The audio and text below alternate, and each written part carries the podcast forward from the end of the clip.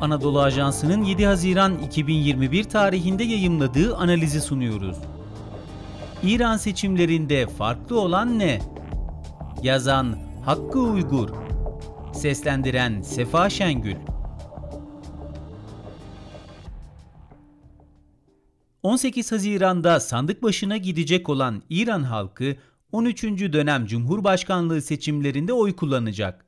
İslam devrimini müteakip 1980 yılında ilk kez bu makama seçilen Ebul Hasan Beni Sadr'dan sonra birçok kişi İran'ın seçilmiş en yüksek yöneticisi olarak görev yaptı.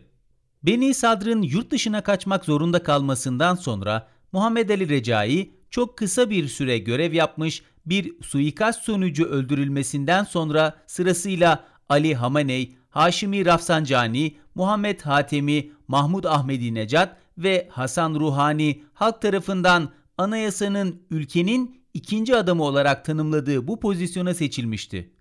Aslına bakılacak olursa İslam Cumhuriyeti tanımlaması ilk günden itibaren tartışmalıydı. İki kavram arasındaki ilişkinin nasıl tanımlanacağı konusunda ihtilaflar vardı. Bununla birlikte yeni anayasanın ekseni olan velayeti fakih kavramının içinin nasıl doldurulacağı konusunda en üst isimler arasında bile bir uzlaşı yoktu.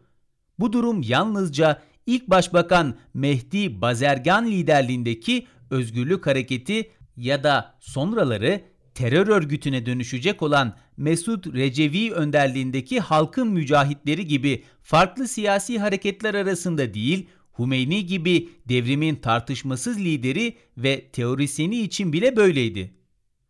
Nitekim İran'a döndükten sonra yönetim işini siyasetçilere bırakarak kuma yerleşmek istediyse de bunun ne anlama geldiğini bilen çevresindeki isimler tarafından sağlık sorunları öne sürülerek Tahran'da kalmaya ikna edildi. Devrimin ikinci aşaması Özetlenen süreç çerçevesinde bu seçimlerde Ali Laricani gibi son 40 yıldır devletin en kritik hassas kurumlarının başında görev yapmış bir ismin adaylığının reddedilmesi, yine bazı yetkililerin seçimlere katılım endişemiz yok, %30'larda kalsa bile sorun olmaz tarzında açıklamalar yapması dikkat çekiciydi.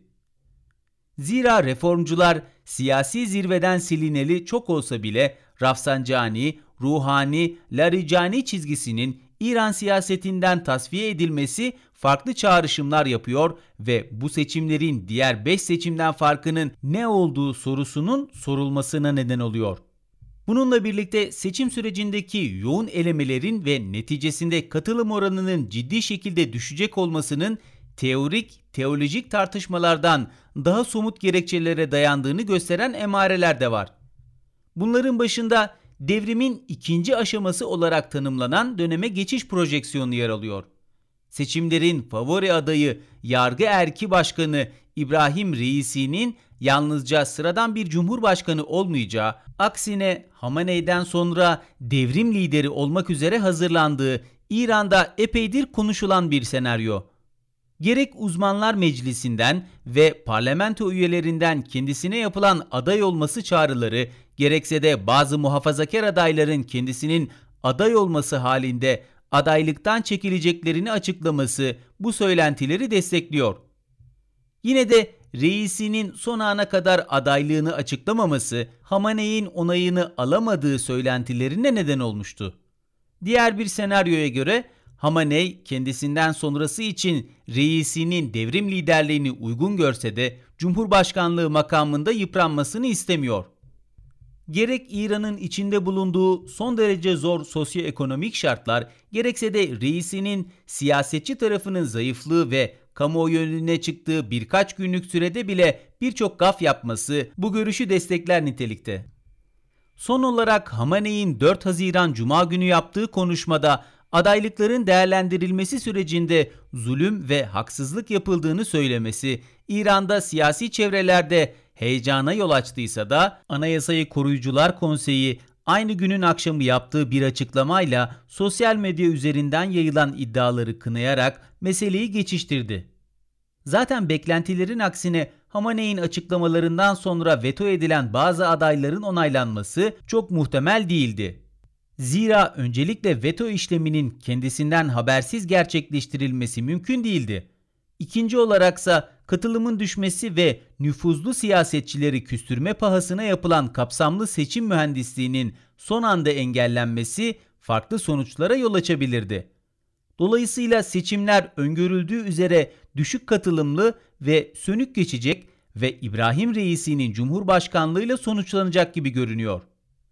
Karizmatik liderlikten İran siyasetinde önemli bir yeri olan etkili hitabetten yoksun olmakla ve yine ülkenin en önemli sorun alanı olan ekonomi konusundaki zayıflığıyla eleştirilen ismin Cumhurbaşkanı olması halinde zaten nüfuzlu konumlardaki isimlerle bir ekip oluşturacağı ve sonraki hedefine dönük hazırlıklara gireceği düşünülüyor. Reisinin beklendiği üzere seçimleri kazanması dış politikada çok büyük değişikliklere neden olmayacaktır. Ancak Hümeyni'nin ölümünden sonra sahne dışına itilen Musevi Erdebili, Mir Hüseyin Musevi ya da Ayetullah Muntezari gibi isimlerin konumuna 35 yıl sonra kimlerin düşeceği hususu İran iç politikasındaki birçok gelişmede siyasi ya da ideolojik farklılıklardan daha belirleyici olacaktır. Spotify, SoundCloud, Apple Podcast ve diğer uygulamalar. Bizi hangi mecradan dinliyorsanız lütfen abone olmayı unutmayın.